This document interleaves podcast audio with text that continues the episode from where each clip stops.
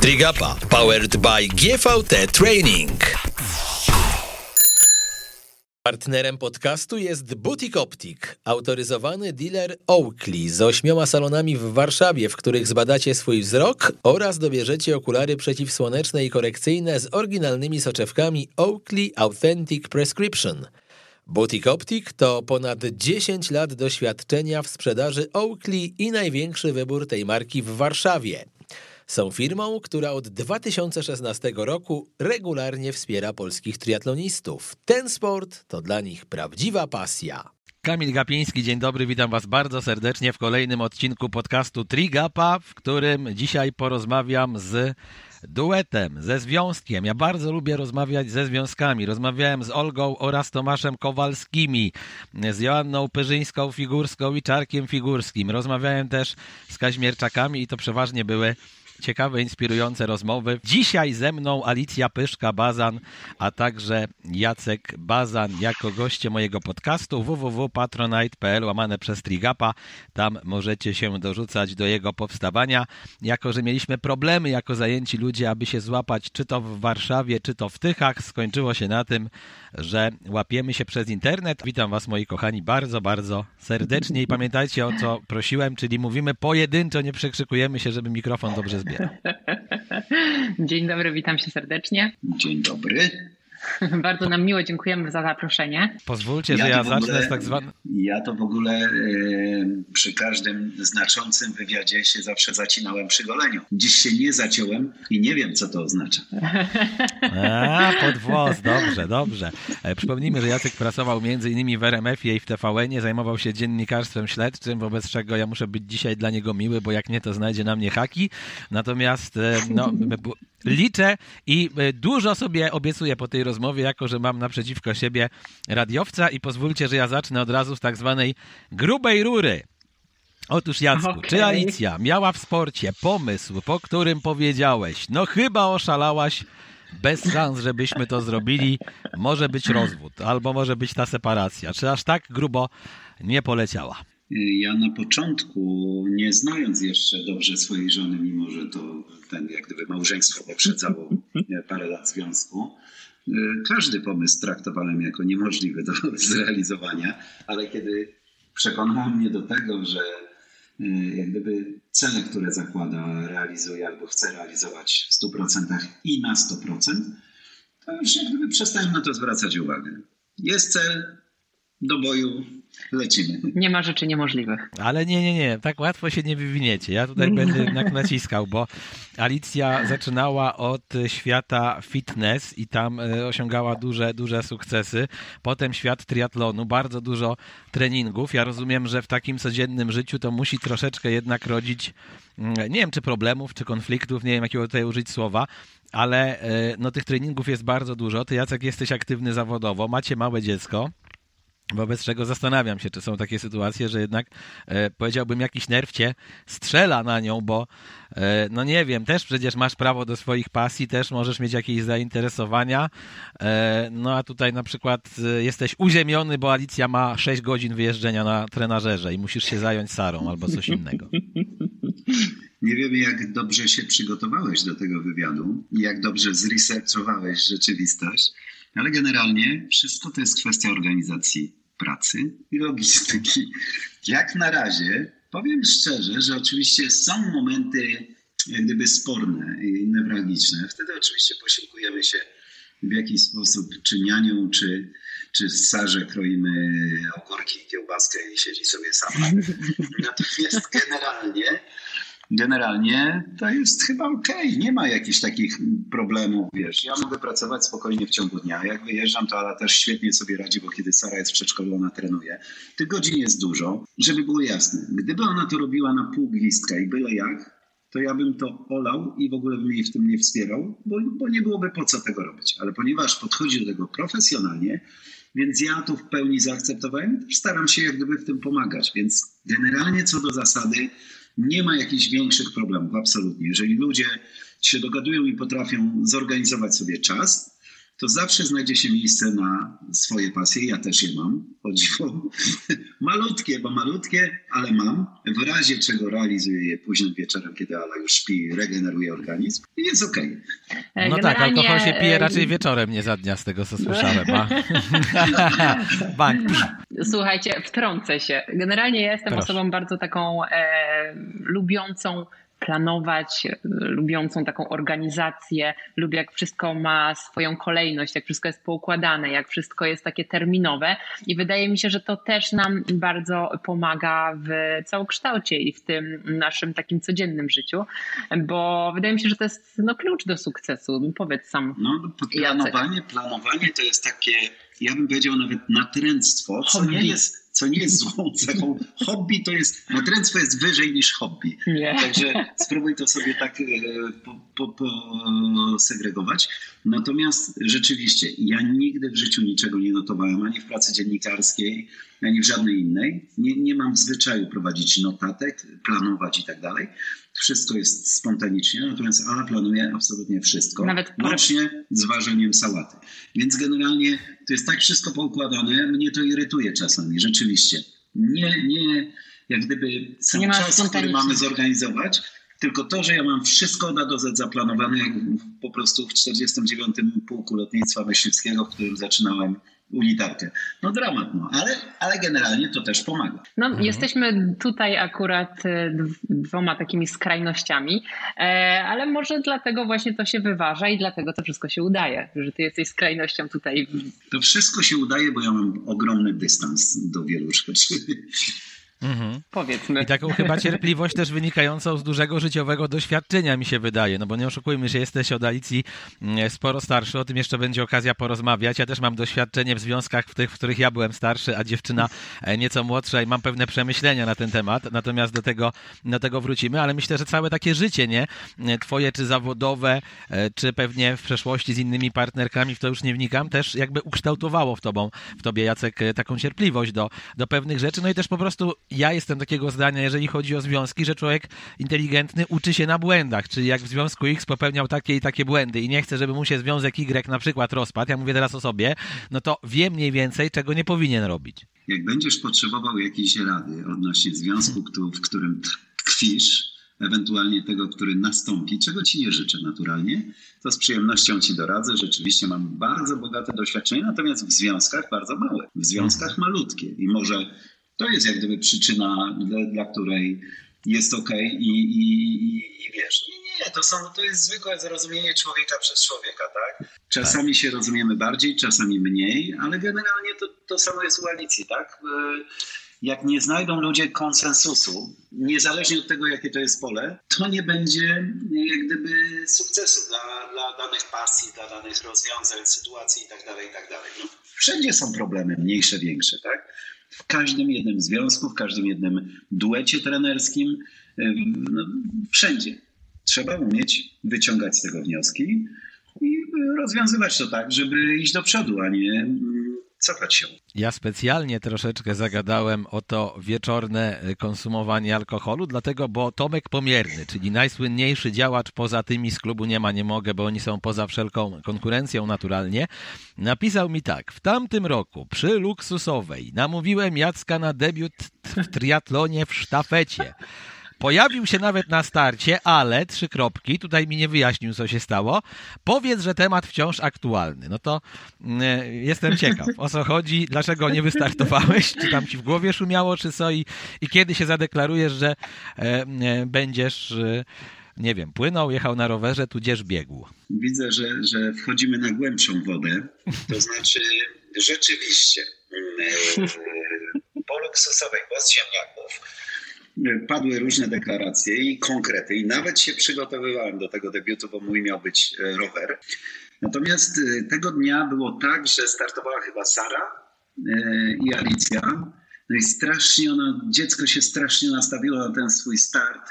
Ja nie umiałem tego poukładać jak gdyby logistycznie, więc y, zrezygnowałem, a że miałem godnego y, zastępcę. No to mówię, no trudno, chłopaki jakoś wybaczą, najwyżej oprzemy to o kolejną luksusową i ustalimy następny debiut. Niewątpliwie on nastąpi, bo przecież ja od samego patrzenia to już chciałbym coś zrobić, bo, bo jestem świetny.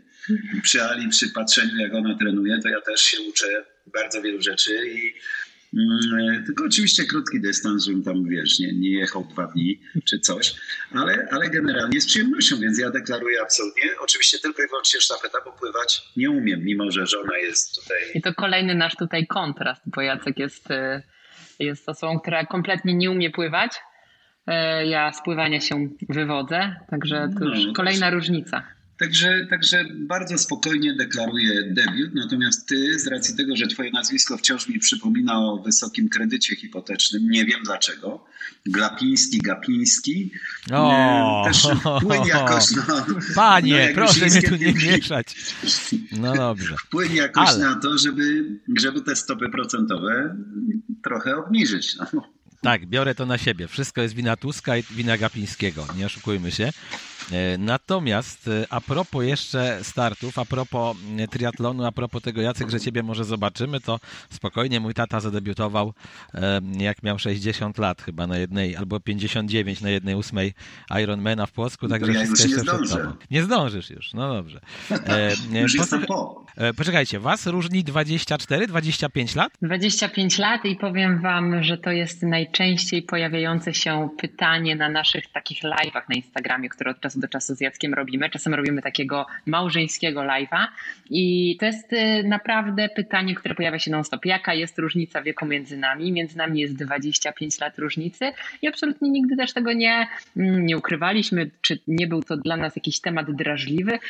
Stąd też nie wiem, dlaczego są zawsze ani, takie. Ani póki e, co nie jest to jeszcze problemem, bo jeszcze chodzę jak gdyby o własnych siłach naturalnie przyszłość no, ja... może być trudniejsza, ale to wtedy ja sobie gdzieś pojadę do domu, do Ciechocinka i tak dalej. Jacek... Nie, to już do Hiszpanii Jacek... pojedź, chociaż żebyś na stare lata wygrzał stare kości w cieple, a nie do Ciechocinka. Jacek kiedyś będzie fakcie... grzał kości w cieple, a ja będę na rowerze tam jeździła. Poza tym posłuchajcie, kiedyś była taka okładka faktu, której do dzisiaj nie mogę zapomnieć, jak pojechała tam jedna z starszych dziennikarek, żeby zrobić reportaż uczestniczący, czyli taka rzecz charakterystyczna dla Jacka i wróciła z tytułem Sodoma, Gomorra, Ciechocinek, ponieważ y, piękni 70 i 80-letni ciągle mieli ciśnienie, wobec czego to nie jest tak, że to jest spokojna e, starość, że tam się nic nie wydarzy. Natomiast ja tak sobie myślę, że mój rekord, jeżeli chodzi o młodsze dziewczyny, z którymi byłem w związkach, to było 12 i 15 lat, no 25 nie mogę różnicy, jako że mam lat 39 i natomiast zastanawiam się, czy ty się czasem czułeś przy Alicji boomerem, to znaczy chodzi mi o to, że jak ja miałem dziewczynę i czasami rzucałem żarciki, które dla moich rówieśników były fajne i zrozumiałe, to ona na mnie patrzyła i robiła takie aha, okej, okay, to jest śmieszne w waszym środowisku starych facet, aha, no to fajnie. E, czy tobie też się tak zdarza, że czasami coś powiesz i potem masz takie, kurde bazan, trzeba było się zamknąć albo a, a.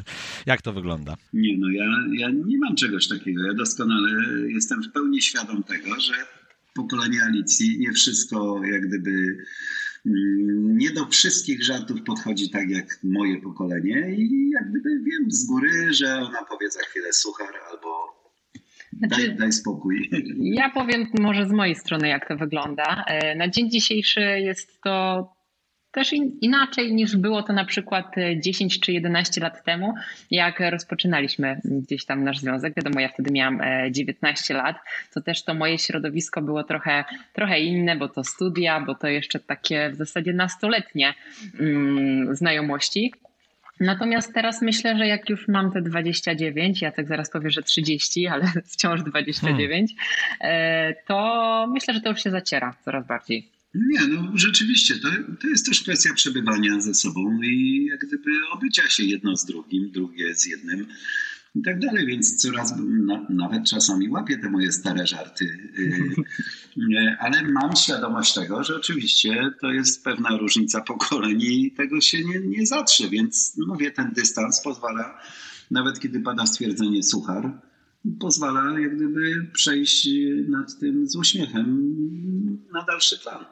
A takie największe różnice, jakie pomiędzy wami widać właśnie, jeżeli chodzi o wiek? Ja nie mówię tutaj oczywiście o tym, o czym mówiliście wcześniej, tylko mm, bardziej e, o takich, nie o kwestiach, e, że Alicja jest taka bardzo poukładana i musi mieć wszystko od A do Z, a ty wolisz spontaniczną improwizację, tylko o takich charakterologicznych kwestiach. No to to może ja zacznę. Patrzą po znaczy, sobie teraz, wy tego nie widzicie, ale magia radia patrzą i tak, kto ma zacząć, kto ma zacząć? No dobra, dawaj. E, no na pewno, na pewno Jacek jest taki bardzo, um, uwielbia jak się dużo dzieje, jak jest e, dużo ludzi, generalnie lubi przebywać też z innymi ludźmi, lubi takie mm, no, jakieś tam spotkania towarzyskie, a ja jestem raczej typem e, takim trochę introwertycznym. E, tak, jednak, widać to po Instagramie e, szczególnie.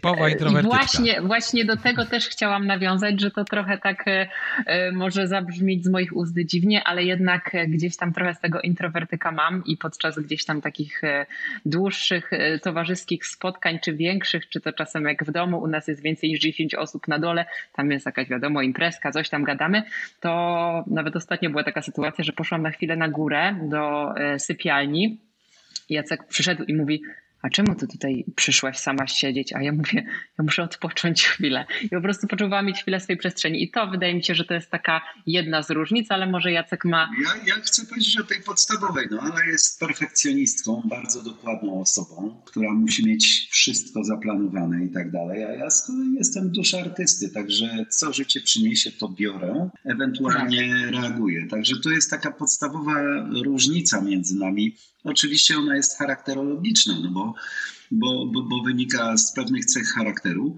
E, natomiast reszta to jest, wiesz, każdy z nas jest inny, tak? Ale robi coś innego, ja robię coś innego gdzieś tam staramy się mieć to wspólne pole. Mnie, ja w sumie, no co mam powiedzieć, no pokochałem ten triatlon, chociaż generalnie wciąż się uczę tysiąca rzeczy, no ale tak samo jak pokochałem bikini fitness na, na, na, podczas występu wali, emocje były jak w Czechach na rybach, no ale tam stałem i też próbowałem te, te emocje jakoś podnieść u samego siebie. no właśnie miałem ciebie zapytać, bikini fitness czy triatlon? To znaczy rozumiem, że pewnie nie, nie, e, ładniejszy jest widok myśl, rozumiem, że ładniejsze. Ja też kiedyś byłem na zawodach bikini fitness i szczerze mówiąc wolę patrzeć na kobiety bikini fitness niż na triatlon, gdzie wszyscy są spoceni, e, zmęczeni i niektórzy wyglądają jakby za chwilę mieli wydać ostatnie tchnienie. Natomiast jeżeli chodzi o emocje, no to chyba jednak triatlon, tak mi się wydaje. Zdecydowanie triatlon, bikini fitness, no wiesz, wszystko w nadmiarze szkodzi, więc ja też się napatrzyłem, napatrzyłem, napatrzyłem, aż mi to obrzydło. Generalnie. Chociaż, tak jak mówię, zawsze będę podkreślał szacunek do ludzi, którzy tak ciężko pracują i to muszą jeszcze kupę wyrzeczeń dla organizmu spowodować, żeby osiągnąć te, te, te założone cele i, i, i, odpowiednie proporcje. Mm, natomiast triatlon no to jest wyścig. Nie ma przede wszystkim sposób oceny. To nie jest ocena jakaś tam subiektywna jakiegoś pana sędziego, tylko to jest wyścig. Kto pierwszy, ten wygrywa. No, tak. Zdecydowanie, ale dlatego też e, triatlon jest dyscypliną chociażby olimpijską, bikini fitness nie. E, dlatego no, tutaj są zdecydowanie... Ale, ale wyścig, emocje, jakieś coś się tak. dzieje, pomimo tego, że wychodzi z tej wody, znika na dwie godziny z kawałkiem, no to generalnie coś się dzieje. Fajnie, można popatrzeć na innych, rywalizacja, wiesz, no, coś się dzieje. A, a w bikini fitness no, wychodzą na scenę, prezentują się fajnie, ta stanie krzywo, tej się obca spodwinie, tam emocje kobiet, wiadomo. Tysiące rzeczy, ale to nie z zakresu jak gdyby samego stricte sportu, tylko bardziej takie zakulisowe sprawy. No ja przez to przeszedłem, nawet y, staram się opisać to w książce, którą tam przygotowuję, więc no, generalnie nie, nie ma porównania. Triatlon 100%. Było ci, nie wiem, szkoda Alicji w momencie, kiedy ona trzymała tę drakońską dietę, żeby w tych konkursach startować, bo pamiętam, jak rozmawialiśmy jeszcze na antenie Weszło FM, ile wyrzeczeń Alicja wtedy opowiadała.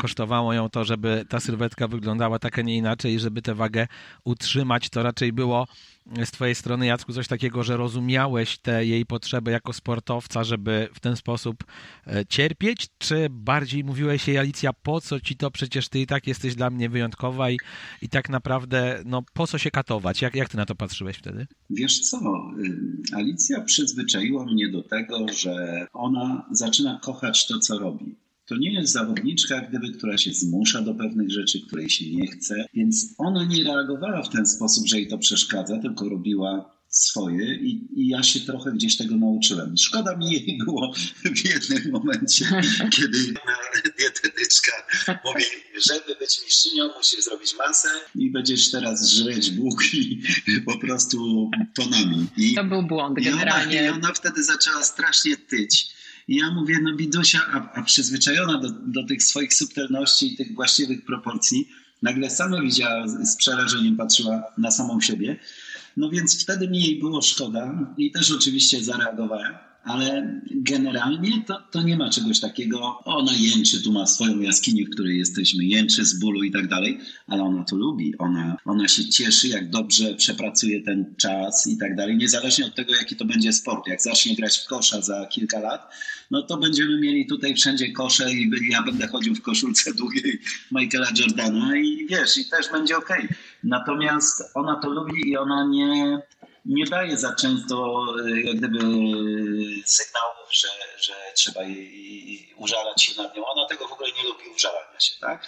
To jest konkretna działka, która wstaje piąta rano. Nieważne, że mnie tam trochę obudzi, że koty wyrzuci e, na morcowanie tak zwane, ale wstaje o piątej rano, jedzie na basen, wiesz, no mnie by po prostu, ja w ogóle nie rozumiem tego, ale bardzo szanuję, tak? Kompletnie nie rozumiem, bo to nie jest moja bajka, ale bardzo szanuję, także Tutaj y, uważam, że, że właśnie ten jej profesjonalizm powoduje, że ja się w to również angażuję, bo widzę, że z tej, jak gdyby z tego.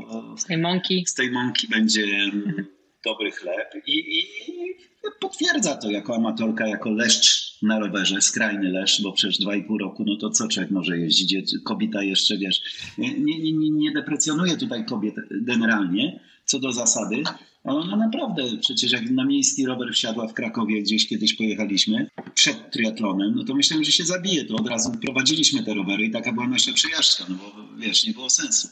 I no co mam powiedzieć? Także jestem pełen podziwu i, i mówię, tutaj odpowiadając krótko na twoje pytanie, nie ma takich chwil, że trzeba się użalać, że jest mi szkoda i tak dalej. Nie, ciężko pracuję, ale lubi to, co robi. A ty, Alicja, czujesz to wsparcie właśnie od Jacka, że z jednej strony nie do końca jakby to rozumie w tym sensie, że no, sam by tak nie wstawał. Ja też bym zresztą nie wstawał o 5 rano na basen. Już zawsze podkreślałem, że raz w życiu o 6 płynąłem i było to na Ironmanie. I jeżeli mam drugi raz kiedyś o 6 rano popłynąć, to będzie to znowu na Ironmanie. Nie będę wstawał bez jaj na basen o 6.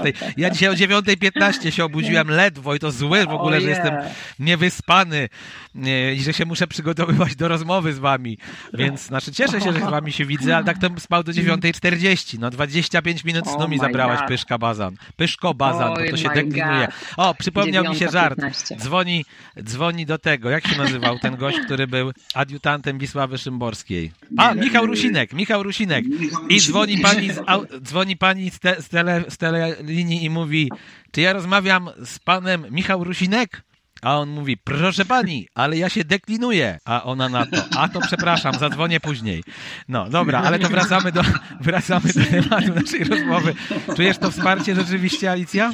E, nie, no zdecydowanie. Jacek jest moim ogromnym wsparciem, e, które czuję każdego dnia, bo to nie tylko podczas zawodów, jak dużo osób tam e, widzi, ale podczas każdej czynności tak naprawdę dnia codziennego ja to wsparcie widzę i bardzo doceniam, bo jak słuchają nas zapewne triatloniści. Wiecie, że triatlonowe życie praktycznie no, trzeba podporządkować absolutnie wszystko, pod, e, jeżeli chce się trenować tą dyscyplinę. Także e, tutaj i, i, i rodzina właśnie, i Sarka, i Jacek e, muszą jakoś też się w tym odnaleźć i cieszę się, że chcą to ze mną robić. Absolutnie, odpowiadając na pytanie, zdecydowanie tak. A propos to Sary, to, to, jest trochę... No? Chciałem żonie zadać pytanie a propos doceniam to. Dawaj, dawaj. Możesz no. zacząć też swój wewnętrzny wywiad tutaj przeprowadzać. Korzystaj okay. z okazji. o to, jak jak gdyby to, że to doceniasz, jak to się e, objawia, objawia właśnie. No jak to jak? No, jak? no właśnie teraz masz tutaj, Wazelinę. powinieneś się poczuć teraz to ciepło w klatce piersiowej. No czuję Poczułeś? ciepło od rana, bo mam stan Boże. Właśnie w jego wieku ciepło w klatce piersiowej, to ja nie wiem, czy to jest dobre. To już nie. Spokojnie.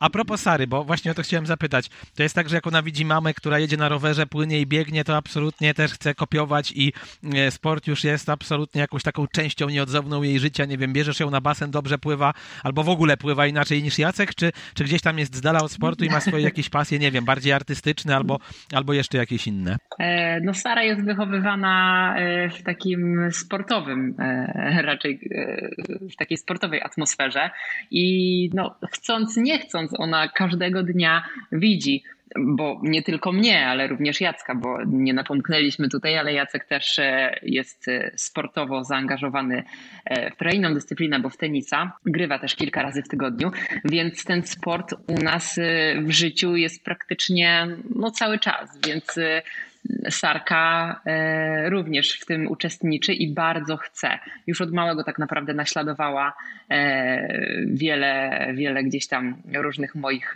poczynań i aktywności, a teraz e, naśladuje i mnie, i naśladuje tatę, bo grywa i z tenisa i bardzo dużo też pływa. Także aktualnie stoimy, stoimy wszyscy, bo i Sara, i tata, i ja, przed takim powoli wyborem dyscypliny wiodącej w jej życiu, bo będzie szła teraz do szkoły. Jacek, jak chcesz, żeby ci się zrobiło naprawdę gorąco, to otwórz sprzed dwóch dni artykuł na weszło.com autorstwa mojego serdecznego drucha Sebastiana Warzechy. Ile kosztuje wychowanie młodego tenisisty? tenisisty. To jest około półtora miliona złotych. Ja Jacek, Jacek, nie mdlej, nie mdlej, Jacek! Wracaj, jest, dobrze. Ale spokojnie, nie, nie, absolutnie. E, wiadomo, że mm, zdajemy sobie z tego wszystkiego sprawę. Na razie Sara naprzemiennie pływa i e, gra w tenisa. Natomiast ta szala się gdzieś tam no, no, zobaczymy. Generalnie to, to jest tak, że kiedyś usiedliśmy salą i zadaliśmy sobie pytanie, jak my chcemy wychowywać dziecko, bo to są trudne czasy dla każdego rodzica. Wiele osób stoi przed takimi dylematami, jeśli jak gdyby przejmują się tą przyszłością. Tak? Uznaliśmy e, oboje, że sport to jest taka fajna szkoła życia, fajna nauka, uczy jak gdyby tej dyscypliny, uczy pracy, uczy jakiejś systematyczności, a że Sara no, ma wzór tutaj numer jeden, bo to jest klon. Cały czas to powtarzam, bo świetnie pływa przede wszystkim już w tym wieku, każdym stylem. E, oczywiście ze wskazaniem na kraula, tak? tak? Ale świetnie pływa. Słuchaj, motorek w dupce cały czas, e, więc mama ćwiczy tam jakaś yoga, rozciąganie, to Sara natychmiast jest koło niej i i stara się naśladować mamę. No i coraz lepiej jej to wychodzi w ogóle generalnie, więc ona jest przed domem kosz, bramki do piłki nożnej, mm, siatka do siatkówki, słuchaj, no generalnie każda dyscyplina, tutaj nawet kij do baseballa jakiś plastikowy tak. kupiliśmy któregoś dnia i, i czasami tym wali. E, wydaje mi się, że Ala, Ala ją wozi na treningi od paru lat i y, świetnie, że to robi, a, a ze mną jeździ częściej na tenisa. I też ma taki fajny drink, dryk, świetny backhand, y, podobny do, do Igi. Więc zobaczymy, co, co będzie. No, czas pokaże. Oby oczywiście nas było A czy masz jakiegoś malczewskiego do sprzedania, jak dziadek Agnieszki Radwańskiej w razie czego, żeby wspomóc karierę? Jakiś obraz ze ściany zdejmiesz? Bo to wiesz. No właśnie, właśnie, wiesz. No, czy po prostu rower, sprawę... rower Alicji sprzedasz? To też wyjdzie podobnie wiesz, prawdopodobnie. To jest generalnie kamyczek do myślenia państwa o, o, tym, że chcielibyśmy pokazywać się na trybunach i zapraszać sportowców do kancelarii prezydenta, ale nie robimy nic w tym kierunku, żeby profesjonalnie wychowywać te dzieci, a, a może te utalentowane, mm, od samego początku, czyli dobrzy trenerzy, dobre warunki, dofinansowania i tak dalej, i tak dalej, i tak dalej. No tu jesteśmy w czarnej dupie, absolutnie. Jak ja słuchałem twojego podcastu a propos pana Stanglewicza i tego duetu trenerskiego i widzę, jak muszą sobie radzić, żeby, żeby robić z kogoś sportowca. To samo e, Alicja, no okej, okay, ale to samo wiele, wiele, wiele innych osób, które, które, których nie stać na wiele rzeczy, a bardzo chcą, a nie mogą. I zapewne gdyby miały tę pomoc od samego początku, to pewnie mielibyśmy dużo, dużo więcej fajnych wyników i dużo głośniej by było czy to o triatlonie, czy o innej dyscyplinie. A tak jesteśmy niestety w czarnej dupie, bo i państwo ma to głęboko w dupie, mówiąc wprost. Ala, coś chcesz dodać do tego wywodu Jacka, który się nie gryzł w język, ale mi to się podoba. No. Nie no, absolutnie tak jest. E, nic, nic tutaj dodawać nie no, muszę. No nie, coś się dzieje w triatlonie, zaczęło się coś dziać, ale to są malutkie kroczki. Ja się nie, cieszę, no, że, że, jest, że, że jest jak gdyby Filip Szołowski, że że, że jest jakaś denia, że mają możliwość wyjazdu do Hiszpanii, a nie muszą po Zakopanem jeździć w, marcu, gdzie jest pół metra śniegu i tak dalej.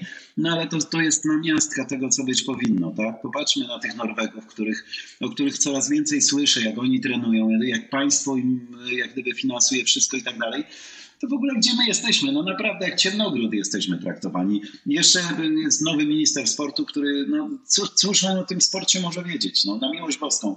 Ja myślę, że to jest też kwestia ma... tego, że z doświadczenia, że każdy związek sportowy to jest takie małe państwo w państwie i niestety te działaczowskie kombinowanie to bardzo często jest coś, z czym się ciężko walczy i no, mieliśmy przykłady w ostatnich latach różnych związków i tego, jak były zarządzane. W wielu jeszcze przecież minister Witold Bańka tam wprowadzał zarząd komisaryczny. No długie to by były historie.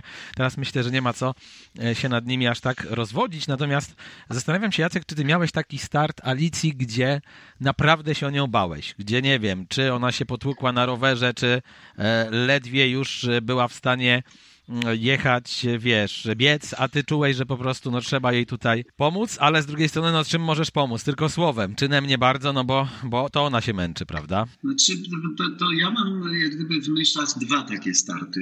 Ja, ja mam jeden, więc ja jestem mam, ciekawa. Ja mam dwa. Jeden to jest Dubaj, kiedy a. Wiedziała, że jest kontuzjowana, nie powinna jak gdyby... Tylko mówmy, że to Dubaj 2020. Dubaj 2021, rok temu gdzie nie powinna wychodzić w ogóle na trasę, ale jak już pojechaliśmy, to postanowiliśmy sprawdzić, jak będzie biec, jak będzie, przepraszam, płynąć, jak będzie, jak zrobi rower. I po rowerze miała zejść, bo, bo biegać nie mogła po prostu wtedy. Więc jak widziałem, jak biegnie, a miała obydwie pachwiny, jak gdyby no, pełna kontuzja, ból jak cholera, i to widziałem, no to w ogóle nie miała prawa biec. Ale to jest zawzięte, to jest takie, wiesz, wiesz, jak kobita, tak? Jak zaciśnie te piąstki, tak? I ona jest zawzięta i ona nie zejdzie z trasy i koniec. I to był pierwszy moment, gdzie miałem pewne obawy, czy, czy po prostu nie pogorszy tego stanu. A drugi moment to, był, to była Gdynia, gdzie zawsze było zimno, jak po prostu, no zimno było, tak? I wyszła z wody, wsiadła na rower, na tej kostce brukowej wypadły wszystkie żele niedożywione, ale przywiązuje do tego potężną wagę do, do właśnie odżywiania. Ja generalnie bardzo dużo jem na rowerze i podczas w ogóle wysiłku i nagle jak jestem odcięta, to od węglowodanów to jest naprawdę bardzo trudno, a do tego jeszcze na e, stacjach e, tych żywieniowych podczas jazdy na rowerze rozdawali wodę i Oshi Zero. I mówię, kurde, ani jednej kalorii, nie? No. I, i, I, to. No i wtedy rzeczywiście w czasie biegu to tylko zdążyła mi powiedzieć, na myty mi załatw pogotowie, załatw mi pogotowie, bo padnę i to, ale widziałem po niej, że była Bidusia no, w stanie agonalnym, więc, więc to były dwa takie momenty jakichś obaw, nie jakichś wielkich, przesadnych, tak? Bałem się, żeby nie, nie, nie pogorszyła kontuzję i bałem się, żeby po prostu dobiegła gdzieś, nie padła na pysk po drodze i tak dalej. Ale, ale tak generalnie co do zasady, ja się bardziej irytuję, jak coś się dzieje, gumę złapie, nie? Bo wtedy jest afera, stary, jakby ci majtki ukradli, normalnie, ja, wiesz, no, ja mówię, no przykro mi, że złapałeś gumę, ale to się zdarza. Messi też łapie kontuzję, Lewandowski, mm, inni triatloniści i tak dalej. No ale tu wiesz, jest szkoda, że tyle pracy, tyle pracy, a szlak by trafił, nie? Jakaś guma. No, to, to, to Na szczęście triatlon gdzie... daje okazję dosyć szybko do rewanżu. A jaki start uważasz, Jacku, jeżeli chodzi o Alicję za jej największy sukces? I ciekaw jestem, czy to się pokrywa też z wizją Alicji, e, którą ona uważa za swój największy sukces. No kurczę, no to ja ci powiem, że kilka jest takich startów, z których się bardzo cieszyłem. Ostatni Dubaj, byłem bardzo dumny, bo świetnie wystartowała, bardzo fajny czas zrobiła w tej temperaturze, świetnie sobie poradziła. Przede wszystkim zaczęła pracować e, nad głową, więc mm, mnie się podobał sam ranek, bo, bo często rano jest stres i tak dalej. A, a teraz po raz pierwszy chyba wyszła na start, pewna siebie, fajnie skoncentrowana przygotowana, tak bardzo, bardzo już profesjonalnie. Bardzo mi się podobał start w Dubaju. Bardzo mi się podobał któryś start chyba w Elblągu, bo bardzo mądrze zastartowała. Y, tam, tam była Karolina Jans, która świetnie jeździła na rowerze, wyprzedziła ją na rowerze i nie wiadomo było jak na biegu i tak dalej. Więc taktycznie zaczęła to gdzieś tam rozgrywać. E, oczywiście podobała mi się Turcja, bo tam mieliśmy założenie wygrać z dwoma dziewczynami, Kochetkowa i Saraj, która wygrała tam pięciokrotnie z rzędu. i, i zrobiła je obydwie i nie jechała jak gdyby w pociągu, że tak powiem, na rowerze, czyli nie jechała na kole, tylko cały czas Bidusia prawie sama. Więc generalnie no, sporo takich fajnych startów. Każde zwycięstwo cieszy, każde dobre miejsce. Oczywiście wiele jest do zrobienia jeszcze, między innymi teraz Majorkę robimy, no, tam są góry i tego się właśnie uczymy, żeby żeby Alicja pokonywała strach, pokonywała bariery, pokonywała coraz większe szybkości na zjazdach i tak dalej. Nie boję się o podjazdy. Gdyby był start, gdzie jest cały czas do góry, to by było zajebiście. A y, tu jeszcze, no musimy się uczyć. To wynika z, po prostu z małego stażu na rowerze i tego się nie da nauczyć od razu. Trzeba to przejeździć. Po prostu. Tak, dokładnie. Swoje trzeba objeździć, swoje trzeba. A teraz twoje starty, swoje trzeba zrobić. Jeżeli chodzi o mnie, to mm, tutaj dobrze podkreśliłeś e, ten ostatni Dubaj 2022 pod e, kątem przygotowania przede wszystkim mentalnego. Tutaj niesamowicie dobrą robotę zrobiliśmy i to był start zdecydowanie inny niż wszystkie, bo podeszłam do niego też e, trochę inaczej i, i poczułam, że jednak ten mental, że jednak nie tylko przygotowanie fizyczne, ale również przygotowanie e, głowy ma ogromne znaczenie. Ja nie mówię, że ja wszystkie poprzednie starty miałam nie, niedobre pod względem gdzieś tam głowy, że, że to był mój jakiś problem, ale tutaj e, myślę, że została dołożona fajna cegiełka i myślę, że, że to jest. To A dołożona jest to. przez kogo? Ja bym, ja, bym, ja bym powiedział nawet pustak. Taki duża cegła, tak? tak? Pustak, jeśli wiesz, o czym mówię. Tak, tak. Dołożona ale... przez kogo, pyta. Czy to jest Dołożona trochę tak, że odkryłaś, nie wiem, funkcję psychologa sportowego i zaczęłaś z nim pracować? Bo e, trochę teraz uprzedzamy moje następne pytanie, które było takie, mhm. gdzie ty widzisz te 5, może 6% rezerwy w tym, żeby się poprawić, żeby być jeszcze szybsza i pewnie docelowo, tak jak sobie Oj, gdzieś wymarzyłaś, powalczyć. 5%? Być może nawet o Mistrzostwo Świata w kategorii e, wiekowej. E, no właśnie, to najpierw powiedz o tym psychologu, a potem właśnie gdzie jeszcze widzisz te puzzle, gdzie można Myślę, je lepiej poukładać? Jeżeli chodzi, o, jeżeli chodzi o zapasy, to na pewno jest to więcej niż 5%, bo okay. no ja muszę przypomnieć, że ja tą swoją karierę e, triatlonową rozpoczęłam, to teraz dopiero zaczynam trzeci sezon, także ponad dwa lata treningu to naprawdę nie jest dużo e, w konfrontacji do tego, jakie staże mają zawodniczki chociażby pro, czy też najlepsze age grouperki w Polsce. E, także no tutaj mamy jeszcze myślę, naprawdę dużo do odsłonięcia. A jeżeli chodzi o przygotowanie mentalne, to mm, może nie odkryłam, natomiast y, zdecydowałam się e, na współpracę z osobą, która tą głowę pomoże mi przygotować. I ja kiedyś powiedziałam, że jeżeli kiedykolwiek będę pracować z kimś nad swoją głową, nie nad swoją fizycznością, tylko właśnie nad tym, co się dzieje podczas wyścigu, podczas treningów czy podczas samych przygotowań do zawodów, to będzie to tylko i wyłącznie ta osoba. I pisałam nawet wielokrotnie maile, czy, czy, czy tam na Instagramie do, do tej osoby i nie, nie Ona już cię zablokowała na Instagramie, wiecie. na LinkedInie, na Twitterze, na Facebooku. Wtedy Jacek wkroczył. A może ale, doprecyzujmy, kto to wiecie, jest, o ile ja to nie, jest jakaś, o ile to nie jest jakaś nie. wielka tajemnica. Chyba, że jest. Nie, nie jest. Pracuję z, pracuję z Rafałem Mazurem, mm, znanym jako. E, on też ma swój podcast i, i właśnie od takowych podcastów zaczynałam e, i to też one naprowadziły mnie do tego, że chciałabym e, w przyszłości być pod jego opieką. No i co? No i jak wiecie, nie odpuszczam, więc, więc, więc jak nie drzwiami, to oknem, jak nie oknem, to drzwiami. Udało nam się w końcu podjąć, podjąć tą współpracę, rozmowę i, i, i, i to była naprawdę dobra decyzja. No ja, ja to potwierdzam, bo ja jako osoba, która jest bardzo blisko, nie widzę ogromny progres, jeżeli chodzi o głowę. Ja ucząc się tego wszystkiego, widzę, jak ta głowa jest ważna. To naprawdę mhm. jest strasznie ważny element i myślę, że w tych zwariowanych nieco czasach jeszcze bardziej należy zwracać na to uwagę. Rafał Mazur, Zen Jaskiniowca. Czyżby to miał być dla mnie nowy pomysł na biznes, że mógłbym zostać takim coachem, który będzie motywować zawodników w triatlonie? Dziękuję, przemyślę. Jakby to ja jest... myślałem, że, myślałem, że podopiecznym bardziej. Też ci się przyda, stary. No, e, wiesz, never... Życie to, to niekończąca się terapia, a budowanie e, swojej marki osobistej albo zespołu, to jak mawia Pep Guardiola, jest ciągle trwający proces i nigdy się nie kończy. No dobrze, to jak nie 5%, to ile możesz Alicja dodać? Ja mówiłem 5, bo jakby wyszedłem z założenia, że tu już wiele rzeczy masz mocno wyśrubowanych, ale też faktycznie po długim namyśle dochodzę do wniosku, że choćby w tym rowerze, to o czym mówił Jacek, są rezerwy, no nawet w technice jazdy, prawda? I zjazdu. Tak, zdecydowanie. No Jacek mi wyrywa mikrofon. Muszę oddać ten głos, no bo... Ja to powiem. No powiedz. Ja coraz bardziej się na tym znam i chciałbym chodzić za jakiegoś e, kiedyś partnera do rozmowy na ten temat.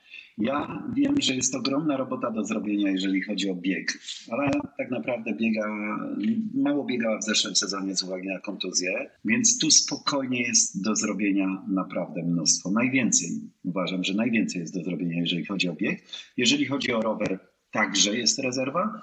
Pływanie już poprawiła, no i musimy popracować jeszcze nad jedną minutą, którą tracimy na, wsiadanie na rower zsiadanie z roweru, wyjmowanie butów i tak dalej, tych nóg z butów i nad tą techniką musimy popracować.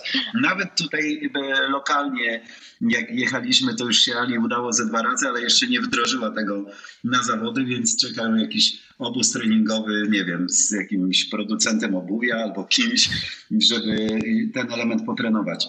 Myślę, że jest jeszcze sporo rezerwy. Moim zdaniem 15% spokojnie. A jeżeli to taka chodzi... zapowiedź, co się będzie działo za parę lat, wiesz. A jeżeli chodzi o ten rower, nie boisz się jak Alicja, no właśnie z tymi swoimi umiejętnościami jeszcze nie do końca dopieszczonymi, rusza gdzieś na, nie, ta, nie może nie open water, ale na takie wyjeżdżenie rowerowe, bo, bo jednak no co i raz dochodzą jakieś smutne informacje z różnych zakątków Polski i Europy, że tutaj nieuważny kierowca walnął jednego rowerzystę, drugiego i tak dalej. Ja przyznam szczerze, że nawet po swoim wypadku no, udało mi się do Ironmana przygotować, a potem z jakimś opóźnieniem półrocznym czy rocznym taki stres wjechał, że, że od tej pory na dworze to byłem na rowerze, w sensie na jezdni ze 3-4 razy po prostu przełożyłem się na gravela i bardzo sobie chwalę jazdę po lesie, bo przynajmniej nie boję się, że ktoś mnie pierdolnie.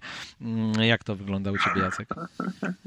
Znaczy, wiesz co, no, generalnie wszystko jest niebezpieczne, bo wyjedziesz samochodem, e, będziesz jechał po zakupy i będzie jechał pijany kierowca tira. Nie ma reguły. Oczywiście, że osoby jeżdżące na rowerze, trenujące tak w czasie ruchu samochodowego są niestety dużo bardziej narażone na, na jakieś niespodziewane sytuacje. No i pewnie zawsze jest taka mała jak gdyby obawa, że, że coś się może wydarzyć. Zresztą zbierałem już z asfaltu dwa razy Mrs. Małżonkę, więc generalnie to, to były dramatyczne sceny. Na szczęście nic wielkiego się nie stało, chociaż złamanie było, tak?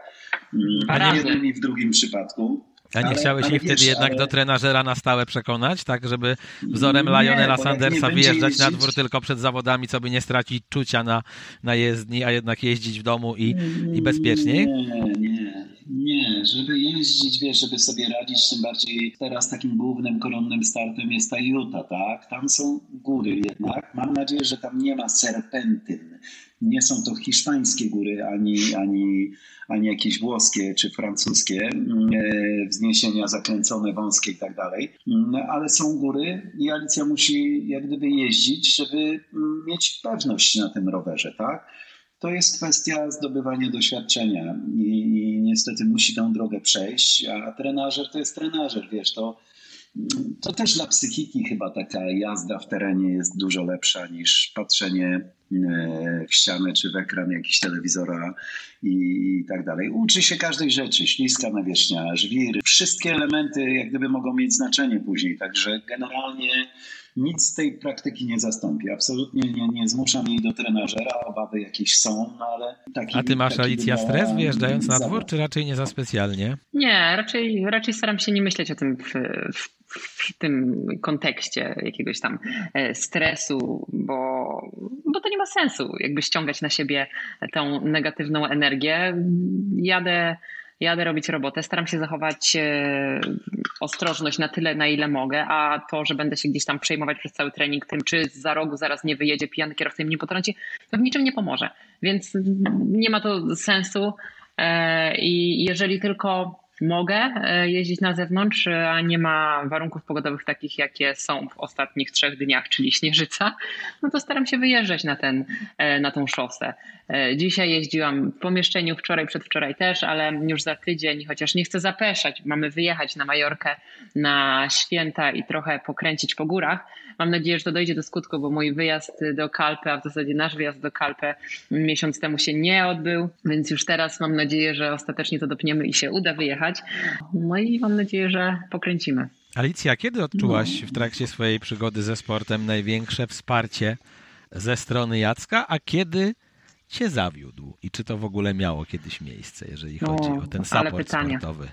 Ja bym, ja bym chciała na to odpowiedzieć. E, kurczę, naprawdę chciałabym na to odpowiedzieć, więc e, musiałabym się tak głęboko zastanowić na pewno nad tym, kiedy on mnie zawiódł, bo na pierwszy mm, jakby na pierwszy ogień nic absolutnie nie przychodzi mi do głowy, ale mm, ja przede wszystkim doceniam to, że Jacek jest moim wsparciem nie tylko w sporcie, ale praktycznie w każdej dziedzinie mojego życia i w każdym złym momencie, w każdej jakiejś niekomfortowej dla mnie sytuacji, cokolwiek by się nie wydarzyło, kiedy Jacka przy mnie nie ma, to pierwszy mój odruch jest taki, dzwonię do Jacka.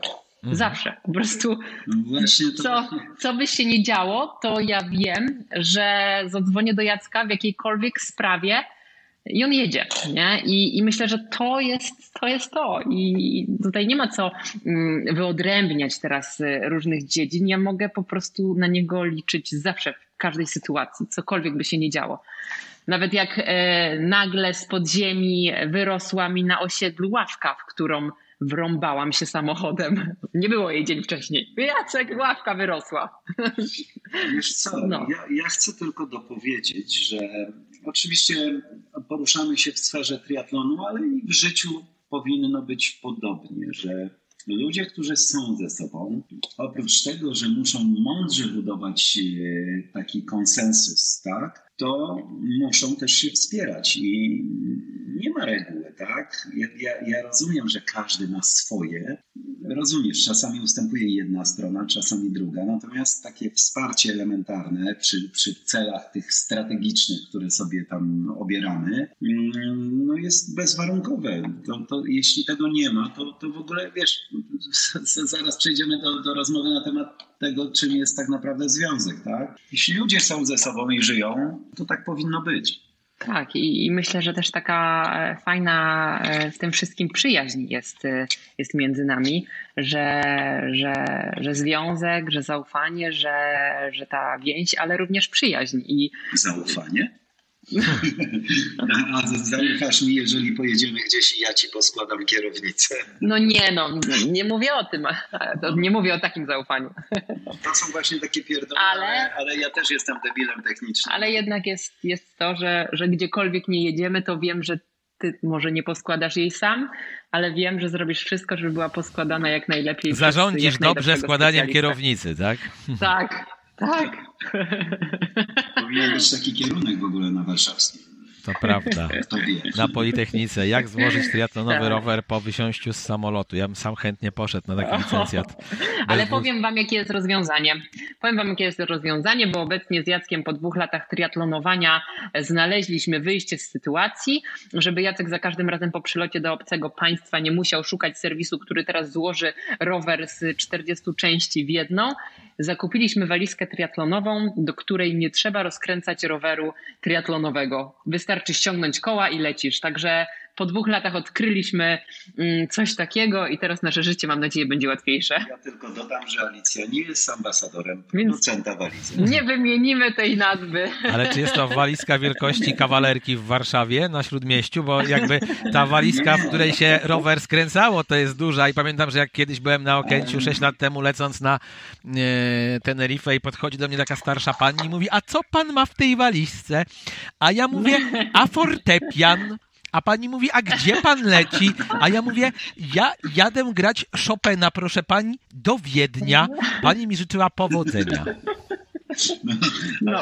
Zdaję sobie sprawę z tego, ale powiem Ci szczerze, że leciliśmy do Finlandii i mieliśmy taką walichę, która była strasznym koniem. Nie dość, że wielka, ciężka. Przy okazji starym polskim sposobem próbowaliśmy do tej walichy upchać jak najwięcej. Zawsze była nadwaga, więc wyjmowałem tam ten ryż, te, te wszystkie rzeczy na handel, co wiozę. Słuchaj, w Finlandii nie mogłem niczego znaleźć i znalazłem taki mały punkcik rowerowy, w którym pracował facet z Ameryki Południowej, tam sobie otworzył i dłubał.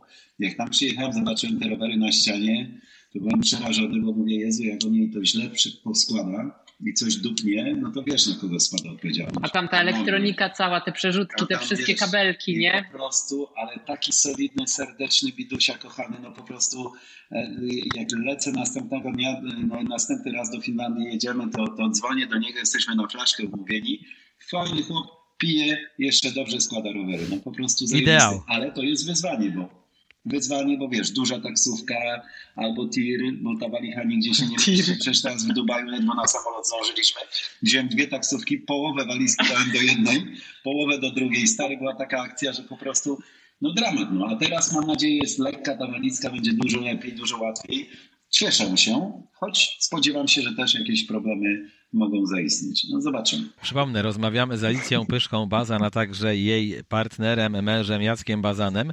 Jak słyszycie, rozumieją się znakomicie mimo różnicy wieku. Ciekaw jestem, czy się spotkaliście kiedyś pośród waszych znajomych albo ludzi wam nieprzychylnych ze swego rodzaju ostracyzmem społecznym wynikającym właśnie z tej różnicy wieku, czy też absolutnie nikt prosto w oczy wam tego nie powiedział, a być może gdzieś tam nie doszło do was, że za plecami was ktoś obgaduje. Jakby co, ja was nie obgadywałem, gdyż ja ci, Jacku, jak już mówiłem, rozumiem.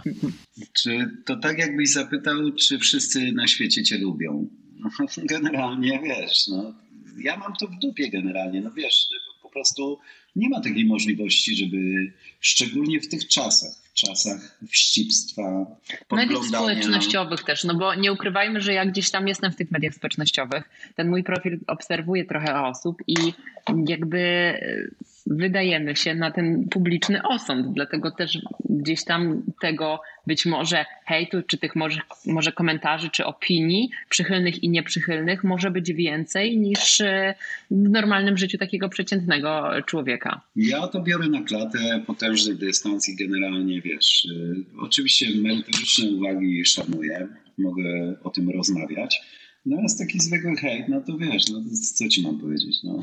Sfrustrowany człowiek przychodzi po całym dniu pracy, patrzy sobie w ten telefon, bo nie ma co robić i, no i tam napisze ty ciulu.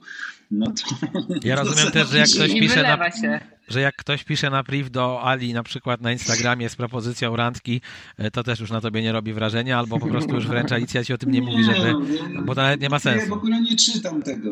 Ja w ogóle tego nie czytam, co ktoś pisze na priv, bo to jest jej prywatna sprawa. Generalnie wiesz, no to jest, taki jest świat, tak? Nie, Przecież... jakby nie, nie donoszę, nie chodzę i nie donoszę. Jacek dzisiaj ktoś do mnie tam napisał, absolutnie nie ma to miejsca. Czasem w komentarzach gdzieś tam, już nie w wiadomościach prywatnych, ale w komentarzach pojawiają się jakieś takie szalone mm, hejterskie wypowiedzi, oczywiście z fejkowych kont, bo, bo nikt się imieniem i nazwiskiem pod takimi głupotami nie podpisze. E, Jacek gdzieś tam wpadnie na taki komentarz, no to, to, to, to zobaczymy, jakby mamy bekę, ale... Czy wiesz, no, ja, ja no, co zrobić? No, przychodzi taki człowiek, tak jak Jacek powiedział, po pracy, sfrustrowany y, i te wszystkie swoje y, żołądkowe sprawy chce wylać do internetu, no bo tutaj już jest tyle zła, że, że, że, w zasadzie co ten jeden komentarz nic nie zmieni. Ale stary, ja gram w brydża czasami, wieczorem oczywiście. Jak już śpię. Jak Słynny brydżysta. Ale, ale gram sobie w brydża, jestem amatorem, gram na turniku, tam stary, raz zagrasz źle i od razu masz ty chuju, ty taki, nie taki. I tam jadą po tobie jakbyś normalnie komuś żonę zgwałcił. Jakiś po prostu dramat, ale to jest poziom emocji, który jest w społeczeństwie. Niestety dotarliśmy do jakiegoś absurdu, jeśli chodzi o taki wzajemny szacunek, a wystarczy taką małą iskierkę gdzieś podłożyć i jest normalnie wojna. Niestety tak naładowane jest społeczeństwo. No ja miałem taką I, sytuację i niedawno. Jak... cześć Miałem taką no, sytuację niedawno, jak się spieszyłem na, no, na pociąg do Gdańska i zahaczyłem niechcący faceta walizką e, przed e, dworcem centralnym, to się prawie na mnie rzucił. Ja mówię, dobra, wiesz co, jak już zrobiłem ci tak wielką rzecz, to chodź i mi przypierdol. I on tak zgłupiał, jakby nie wiedział, co mam robić. Ja mówię, tylko jeżeli chcesz mnie jebnąć, to zrób to szybko, bo ja mam pociąg za 10 minut i mi się po prostu spieszy. Mnie naprawdę moja wina, zahaczyłem ci tą walizką, no w ogóle powinienem przynajmniej 15 lat dostać we wronkach, no. I e, takie trochę wykpienie tego, mam wrażenie, że tego gościa zatrzymało, ale to też pokazuje właśnie, jak my jesteśmy w ostatnich miesiącach znerwicowani jako, jako społeczeństwo. Mało tego, ludzie nie umieją tego z siebie wyrzucać, tego poziomu emocji na co dzień. Nie mają dystansu, mają ciągle gonitwę. Słuchaj, coraz więcej muszą pracować, bo inflacja coraz bardziej do góry. Teraz już politycy tego w ogóle nie uspokajają, a wręcz przeciwnie, oni to spowodowali, tak? Jesteśmy taką tykającą bombą zegarową, mówię o społeczeństwie i wiele przypadków naprawdę może być poważnym zagrożeniem, kiedy jakaś iskierka się pojawi. Więc nie wiem, myślę, że może jakaś terapia, może jakiś Kaszpirowski nowy publicznie, tej publicznej powinien gdzieś się pojawiać, żeby, żeby edukować ludzi, no bo jest dramat. Alicja, powiedziałaś taką rzecz jakiś czas temu, to jest zresztą zdanie, które lubisz powtarzać, że presja to przywilej. Mhm. Zastanawiam się, bo ja się tak. z tym tak. zgadzam, ale też myślę sobie, że jak tego tak. przywileju jest za dużo, to jak wszystko może się przejeść i jak człowiek tę presję odsuwa, odczuwa cały czas, to zaczyna się męczyć. Czy ty nie wpadłaś w taką pułapkę, że właśnie e, ten przywilej jednak za często czułaś i co za tym idzie, byłaś tym zmęczona, czy, czy zupełnie nie? Znaczy wiesz, generalnie trzeba wyjść od tego, że presja to przywilej, ale presja wytwarzana przez samego siebie. Nie presja wytwarzana gdzieś tam przez środowisko, czy nie presja wytwarzana przez y, inne osoby, które towarzyszą twojemu przedsięwzięciu. Przede wszystkim to jest ta presja, którą ty sobie wytwarzasz i to ty ją y, gdzieś tam pozycjonujesz na tyle, na ile ona ci jest potrzebna. Nie, nie jestem nią zmęczona, ponieważ sama tym wszystkim zawiaduję. Także, także realizuję to, co chcę realizować i, i, i nigdy nie będę robiła czegoś tam wbrew E, wbrew, wbrew sobie i myślę, że to jest taka wystarczająca, wystarczająca na to odpowiedź. Co ty sądzisz, Widzisz, Jacek? Nie, nie, ja, ja tylko uważam, że Alicja coraz lepiej sobie z tym radzi. Kiedyś ta presja była większa, kiedyś te jak gdyby komentarze na Instagramie robiły większe zamieszanie w głowie i tak dalej, ale też zdobywa doświadczenie. No i tak? wiadomo, też każdy, każdy taki mój osobisty sukces, ja nie mówię, że, że, że każda moja taka mm, bo ja mając na myśli sukces, czy mając na myśli wygraną, e, nie mam na myśli pierwszego miejsca w zawodach, tylko swoje jakby osiągnięcie i swoją wygraną na ten czas. Dokładnie. I każdy miesiąc, każda wygrana, każdy krok mnie coraz bardziej mm, w tym wszystkim uspokaja.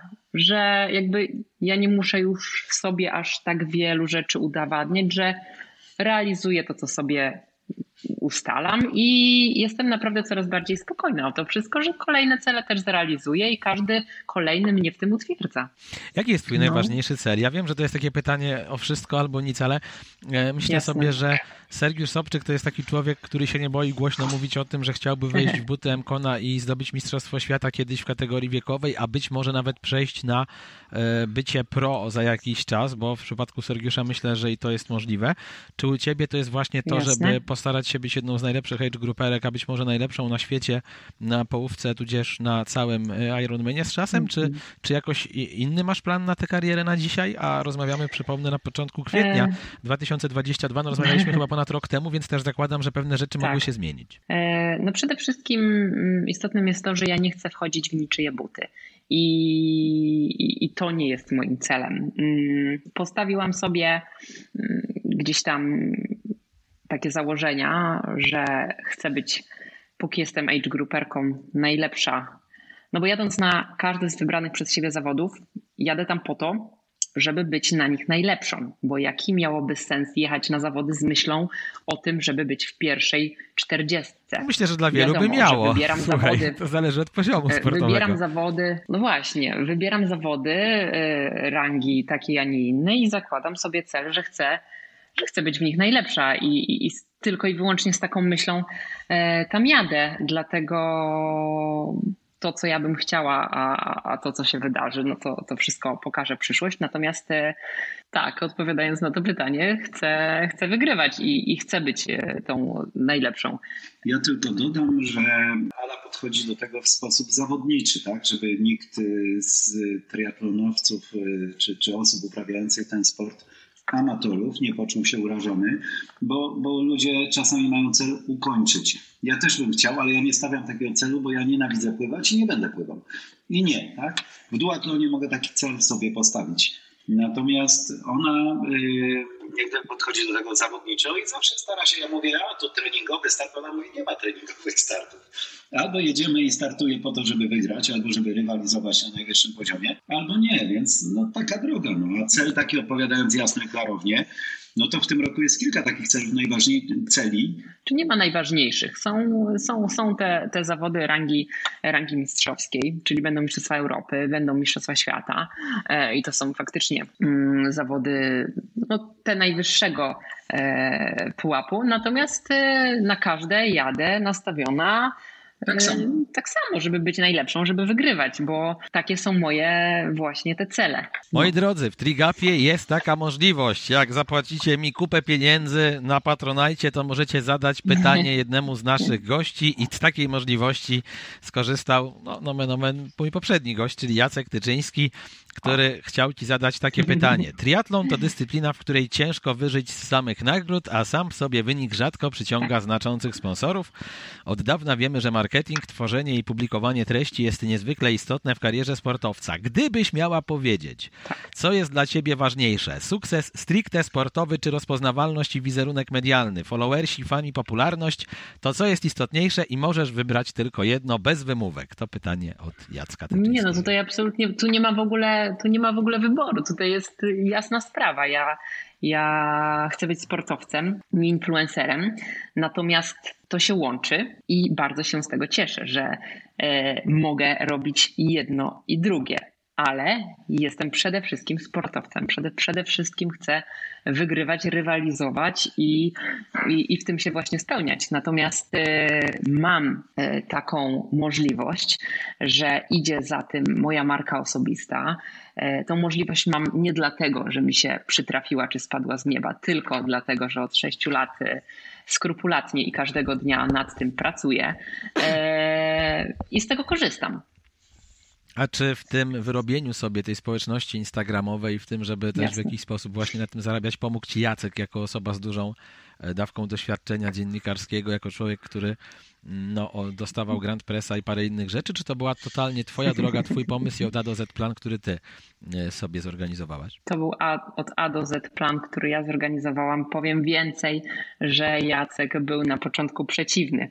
Jak założyłam Instagrama, zaczęłam... No mógł nie wiedzieć, co to Instagram, to jest starszy człowiek, no daj mu żyć. No właśnie dlatego, że nie no, miałem... A wiesz, co to, a wiesz, co to jest TikTok, Jacek? Wiedział. No teraz już wie, ale A, bo ty już masz TikToka, dobra. No teraz już tak, ale na samym początku, jak ja urodziłam e, Mówisz, Jacek chce TikToka, a Jacek przyszedł z tymi takimi ci, tymi miętowymi i ci tam posypał, mówi masz tylko dwie kalorie. Nie, no. aż tak to nie, ale no tak jak, tak jak powiedziałam, na samym początku mojej tej przygody z Instagramem, jak zaczęłam wracać do formy po ciąży, ja założyłam ten Instagram i, i mówię Jackowi, że Jacek, ja sobie założyłam Instagram i ja tam się będę dzielić na tym Instagramie zdjęciami, to będzie taki mój pamiętnik, będę ja się motywować tym, żeby wrócić do formy po ciąży, żeby to ciało i tak dalej. I ludzie może się będą motywować, ale przede wszystkim ja będę tam raportować, jak to, ja wiadomo, że ja, to, ja z tą logistyką i z tym raportowaniem i z tym wszystkim. No i, i a on mówi, po co będziesz to robić? No i... Ja, mnie, to, mnie to wkurzało na początku, ale ja powiem tak, patrząc z perspektywy czasu, wiem ile, ile to kosztuje ludzi, kiedy oni muszą iść do pracy i muszą odwalić trening, przygotowując się do połówki, nie wspominając już o całym dystansie. Tak? Oni muszą mieć szalenie mało czasu, szalenie mało dnia i muszą być szalenie. To, to nie znaczy, że Alicja też jak gdyby w pewien sposób nie pracuje, to są po prostu, e, to jest opieka nad tym Instagramem, robi to sama, samodzielnie i tak dalej. Bardzo fajne jest to, że dzięki temu ona może łączyć przyjemne z pożytecznym, więc to jest naprawdę bardzo istotny element, który też daje nam wiele, jak gdyby o wiele więcej pewnego rodzaju swobody, tak? Bo gdyby musiała iść do pracy, wróciła o 15 i tak dalej, no to kurczę. To wszystko mogłoby być zdecydowanie no, trudniejsze, jak pokazuje wiele przykładów triatlonistów chociażby, gdzie tam daleko sięgać, którzy muszą łączyć pracę zawodową na etacie, czy też nie na etacie. Z Ania Lechowicz i bycie rodziną. weterynarzem i gdzieś tam grzebanie przy tych dużych zwierzętach, co też wymaga jakby pracy rąk i tak dalej. Z jednej strony praca, która jest pasją, ale z drugiej praca, która nawet fizycznie też jeszcze może, prawda, zmęczyć. No to jest na pewno, y, no wie, do tej pracy trzeba iść na, na, na tą daną godzinę y, i, i po prostu pewnych rzeczy się nie przeskoczy. Ja, jako że prowadzę swoją działalność gospodarczą i sama tym wszystkim mogę gdzieś tam zawiadować, mogę pracować też z każdego miejsca tak naprawdę na świecie y, i myślę, że to jest naprawdę duże, duże, duże ułatwienie dla mnie, dla rodziny, dla sportu, dla tego wszystkiego i powiem tutaj szczerze, że nie wiem, czy byłabym w stanie tak mocno się zaangażować w sport, y, gdybym musiała chodzić na etap. Myślę, że przy moim perfekcjonizmie to mogłoby się skończyć naprawdę źle. Nie, nie poświęciłabyś wtedy czasu z dzieckiem e, tak. na przykład, tak? Chociażby i to jest oczywiste. Kiedy ten perfekcjonizm Alicji bywa wkurzający i czy w ogóle bywa? Oczywiście, że bywa. To on jest notorycznie wkurzający do tego stopnia, że zdążyłem się do tego przyzwyczaić, hmm. gdyby. Czyli wpada jednym, wypada drugim, tak? No, taka Ale to jest, to jest wszystko rozpisane, słuchaj, na drobny ten. Ja oczywiście tutaj, yy, ale o której jutro masz chwilę czasu? Yy, nie wiem, bo nie dostałem jeszcze rozpiski od Florka, tak? czekam na e, jak gdyby plan treningowy od trenera i tak dalej. Czyli ewentualne wasze problemy w małżeństwie i kłótnie to jest wszystko wina Marcina Florka, Labo Sport Polska. Pozdrawiamy tak. albo nie pozdrawiamy e, bardzo serdecznie. Wysyłaj te plany treningowe wcześniej człowieku, bo oni się rozwiodą. No, to było moje gapowisko. gapowisko. Fantastyczny człowiek. Ja nie, nie chcę tu żadnej wazeliny wylewać, ale naprawdę mam wielki szacunek do, do Marcina i no co mam powiedzieć. Natomiast e, wiesz, jeżeli ona w czasie bikini fitness, ona, moja żona, ważyła sałatę, stary, to ja myślałem, że jestem w jakimś e, absurdalnym środowisku. Mówię, co się tu dzieje? Daj, sałaty ważysz? Mówię, przecież to nic nie waży generalnie.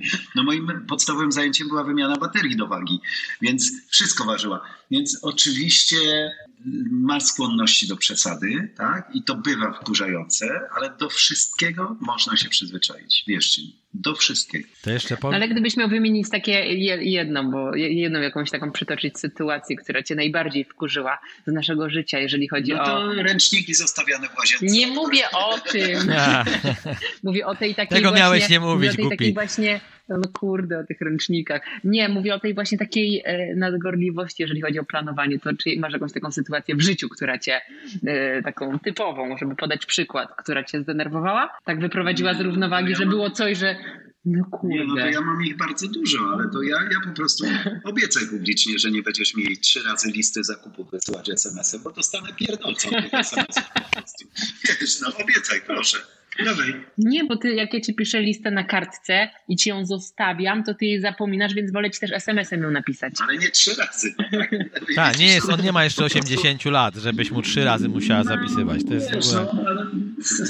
Rozumiesz, no ale to, to jest właśnie ta różnica pokoleń, że tu wiele rzeczy odbywa się SMS-ami, a ja wolę pogadać, załatwić pyk, pyk, pyk, pyk.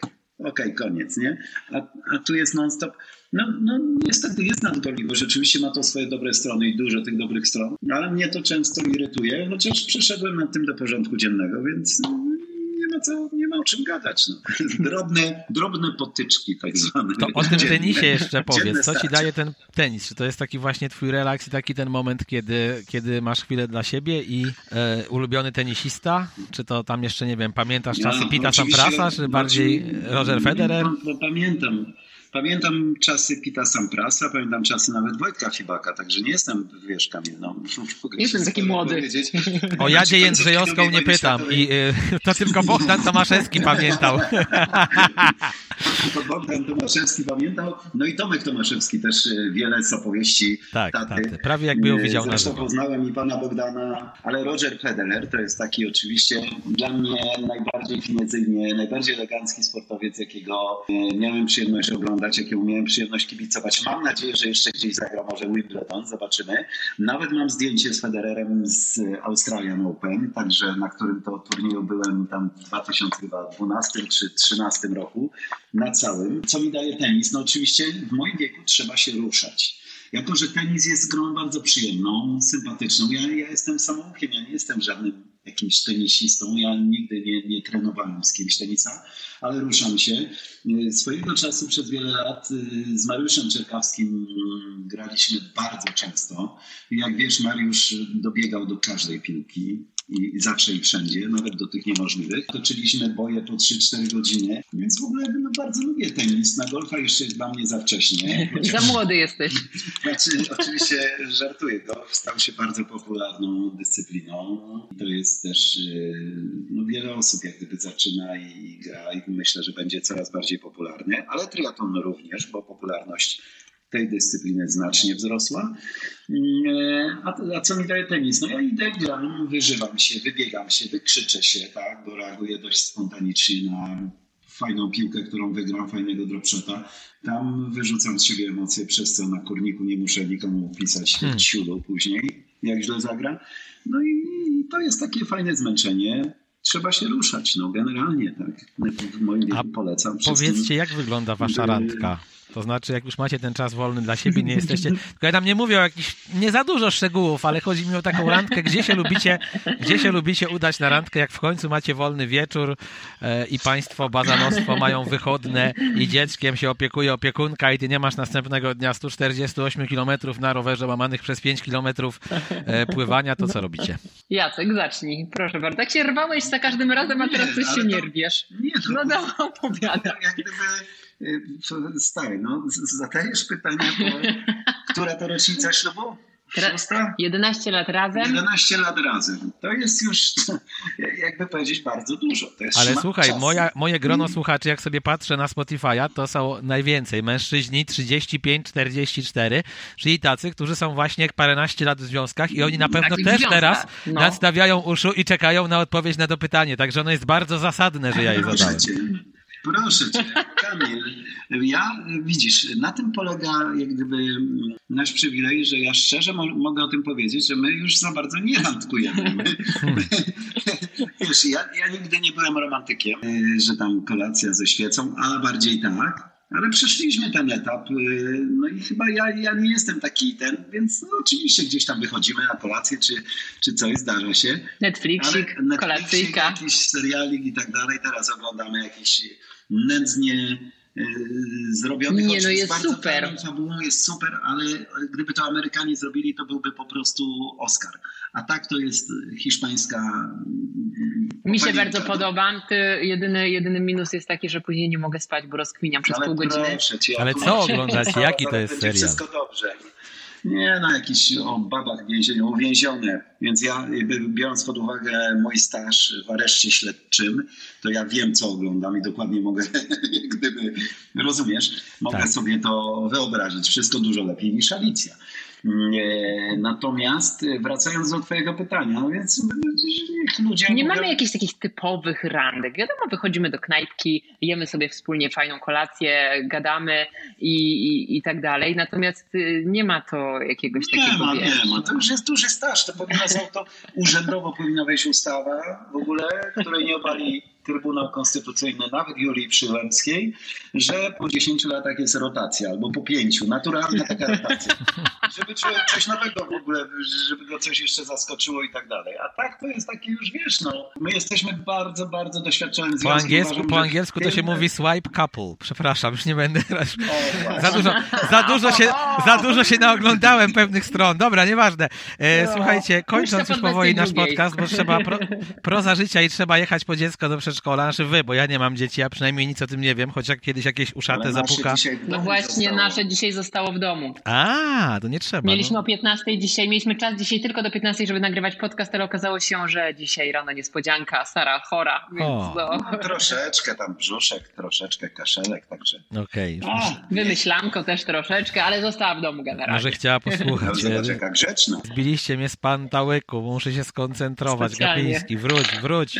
E, ta wymiana par i tak dalej, to nie o to, nie, nie złą drogą w ogóle idziemy, to nie jest podcast erotyczny, jeszcze nie, ale kto wie, być może kiedyś takie zacznę nagrywać, bo wiadomo, że seks może nagramy drugą część. E, tak, a już wiem. Ale Jacek, erotyczny. Czy można powiedzieć, że ty sobie po rzeczach, jakie cię spotkały w życiu, a trochę w życiu przeszedłeś, to e, właśnie jakby dzięki Alicji, dzięki Sarze e, uwiłeś takie ciepłe gniazdko i znalazłeś taką fajną na końcu, znaczy nie chcę powiedzieć na końcu drogi, bo to oczywiście by źle zabrzmiało, ale wiesz, co mi chodzi, że w takim wieku, że w takim wieku dojrzałym jakby osiadłeś i, i teraz się czujesz taki naprawdę najbardziej szczęśliwy w życiu, bo zbudowałeś coś takiego trwałego i taką relację, która, która daje ci spokój i nawet te wszystkie okropieństwa, jakie musiałeś, jakich musiałeś doświadczyć jako dziennikarz często śledczy, użerając się z morderstwami, z jakimiś w ogóle no, kuriozalnymi rzeczami, to teraz jakby to, co teraz przeżywasz przez ostatnie lata, e, no oddaje ci za tamte czasy. Jak ty to oceniasz? Nie wiem, czy ja zbyt nie zakręciłem tego pytania, no ale chyba wiesz, o co mi chodzi. Nie, nie, nie, no troszeczkę, ale wiem, o co ci chodzi. Przez większość swojego życia strasznie balowałem. Oczywiście oprócz pracy, był czas na pracę, ale był czas na y, rozrywkę i relaks. Jak pamiętasz lata 90. i Radio RMF to była inwazja mocy. Hmm. To było 6 lat permanentnej jak gdyby balangi baletu. Mówię o czasach wakacji, inwazji mocy i tak dalej. Mm, no i taki baletmistrz generalnie przez większość mojego życia byłem. Dlatego też y, związek z Alicją no, pozwolił mi w ogóle przeżyć, bo nie wiem, czy bym nie leżał gdzieś w rynsztoku zabalowany na śmierć. To, to po pierwsze. Po drugie, zawsze chciałem mieć dziecko, więc mamy cudowną córeczkę i bardzo jestem z tego dumny i cieszę się, jak się rozwija. Myślę, że właściwa kolejność, tak? wyszalał się, wybalował i tak dalej, i tak dalej. Co nie znaczy, że gdyby była ta rotacja, to, ale wyszalał się, wybalował. Fajny związek oczywiście jest trochę mm, jak gdyby logistycznych komplikacji w związku z tą walizką, wyjazdami i tak dalej, i tak dalej, i tak dalej. Ale większy spokój z kolei by mnie nudził. Ja, ja też myślę sobie, że związek z, przy tak dużej różnicy wieku też mnie jak gdyby trochę bardziej utrzymuje w pionie i tak szybko się nie zestarzeje, więc, więc to też są plusy. Wiesz, zresztą w ogóle trzeba szukać plusów, a nie minusów, tak? Mhm. Generalnie jest ok, jest bardzo fajnie, cieszę się z tego. A propos Sary, czy istnieje projekt... Jest czy istnieje u was projekt drugie dziecko, czy, czy jednak jedno i koniec? Jak, czy... Nie, to już jest decyzja, która zapadła dawno, produkcja została zakończona. Nie, i... po prostu wiesz, y, y, ja się boję tego, że ja będę za stary, żeby się właściwie zająć tym dzieckiem, a po drugie boję się dzielić serduszka na jeszcze jedno. Tak, oboje istotę. nawet mieliśmy taką rozmowę, że kurczę, no tak kochamy te, tego naszego małego szkraba i, i, i co by było teraz, gdyby było drugie, że ja nie wiem, czy bym dała radę podzielić tą miłość, że jakby nie chciałabym też nikogo...